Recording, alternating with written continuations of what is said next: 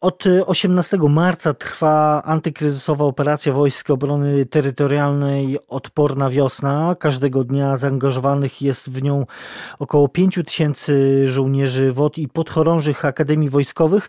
Jak wygląda sytuacja i skala waszego zaangażowania na Lubelszczyźnie? Jeżeli chodzi o zaangażowanie, to jest ono adekwatne do potrzeb, jakie są na dany dzień. Od 18 marca do dnia dzisiejszego stopień zaangażowania naszych żołnierzy to jest pomiędzy 300 a 400 żołnierzy dziennie. Ta liczba zależy od tego, jakie zadania są stawiane przed naszymi e, żołnierzami. Zadanie, o jakich mowa, jakie realizujemy najczęściej, to jest przede wszystkim rozwożenie żywności. Tutaj współpraca z ośrodkami pomocy społecznej, z Caritasem, z Centrum Wolontariatu w Lublinie. Również pomiary temperatury na, nasi żołnierze odbywają. Tutaj mówię o placówkach medycznych. Tak samo pomagamy w samych placówkach medycznych. Przykładem tego jest e, szpital SPSK numer 4 w Lublinie, gdzie właśnie nasi żołnierze służą pomocą chociażby w transporcie chorych. Przewozimy wszelkiego rodzaju materiały ochronne, środki do dezynfekcji, ale również e, nasza przyszła siedziba na Majdanku, bo tam, jak jeżeli wszystko dobrze pójdzie, od września będzie się mieściła druga lubelska brygada obrony terytorialnej. Już teraz pełni funkcję takiego huba transportowego, gdzie tam środki do dezynfekcji z Komorowa, z Agencji Rezerw Materiałowych są zwożone i przyjeżdżają do nas poszczególne podmioty z naszego województwa i są właśnie mm, im rozdystrybuowane te przedmioty.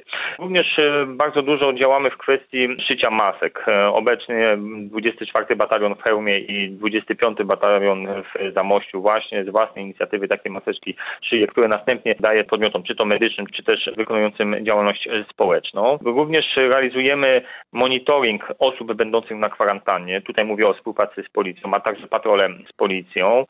Ostatnio mm, włączyliśmy się w akcję Obiad dla bohatera. Jest to akcja realizowana wspólnie z Urzędem do Spraw Kombatantów i Osób Represjonowanych. Również pod tym skrywa się nasza opieka nad e, kombatantami. W samej tylko brygadzie około 150 kombatantów jest pod naszą opieką. Codziennie z nimi się kontaktujemy. Czy potrzebują pomocy? Pytamy, czy coś trzeba załatwić, czy coś trzeba kupić, czy jakieś leki i wreszcie pobieranie wymazów. Ta wasza aktywność e, od ubiegłego czwartku 30 kwietnia też się zmienia o tyle, że E, działają mobilne zespoły.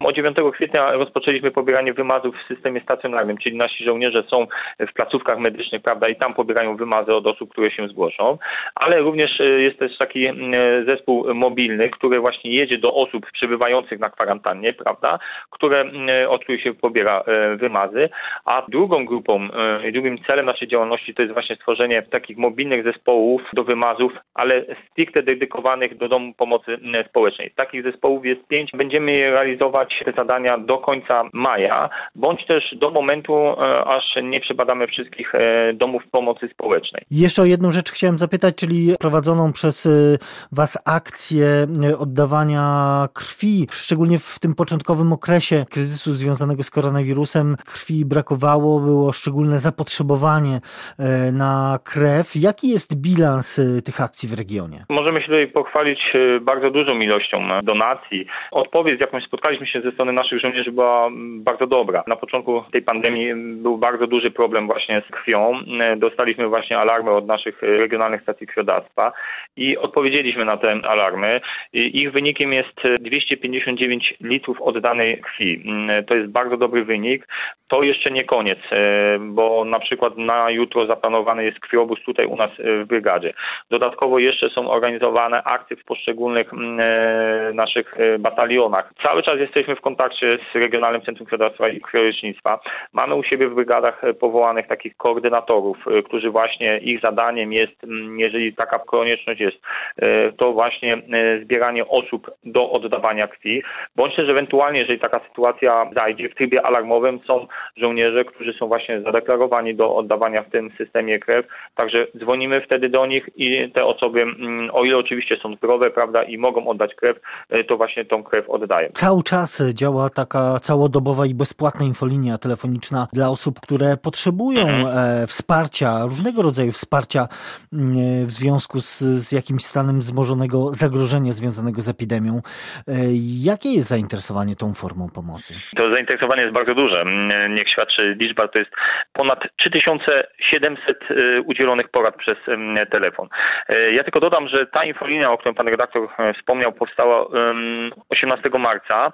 Jest ona całodobowa, bezpłatna, gdzie pod numerem telefonu 800 100 102 wszystkie osoby, które potrzebują wsparcia psychologicznego, będą mogły uzyskać właśnie profesjonalną pomoc doświadczonych psychologów. Pomoc psychologiczna jest także dostępna w formie wideoczatu mm, przez e, platformę e, Skype.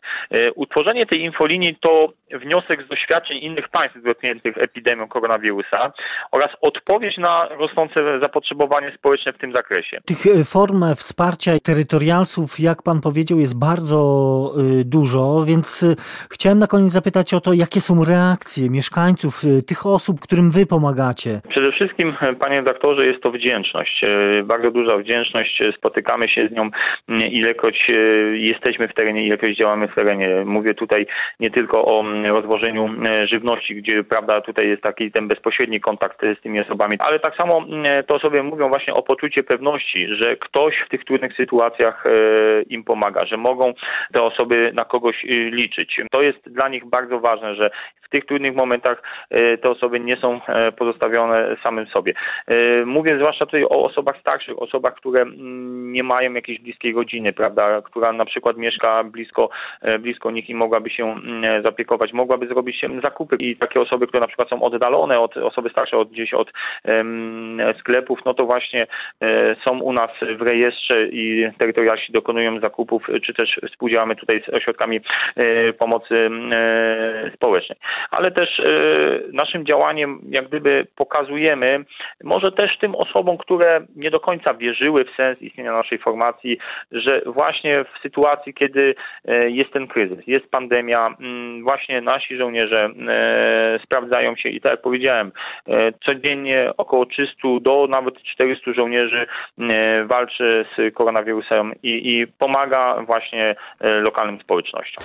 I o tym wszystkim warto pamiętać. Kapitan Damian Stanula, oficer prasowy II Lubelskiej Brygady Obrony Terytorialnej, był gościem Radia Lublin. Bardzo dziękuję za rozmowę. Dziękuję również.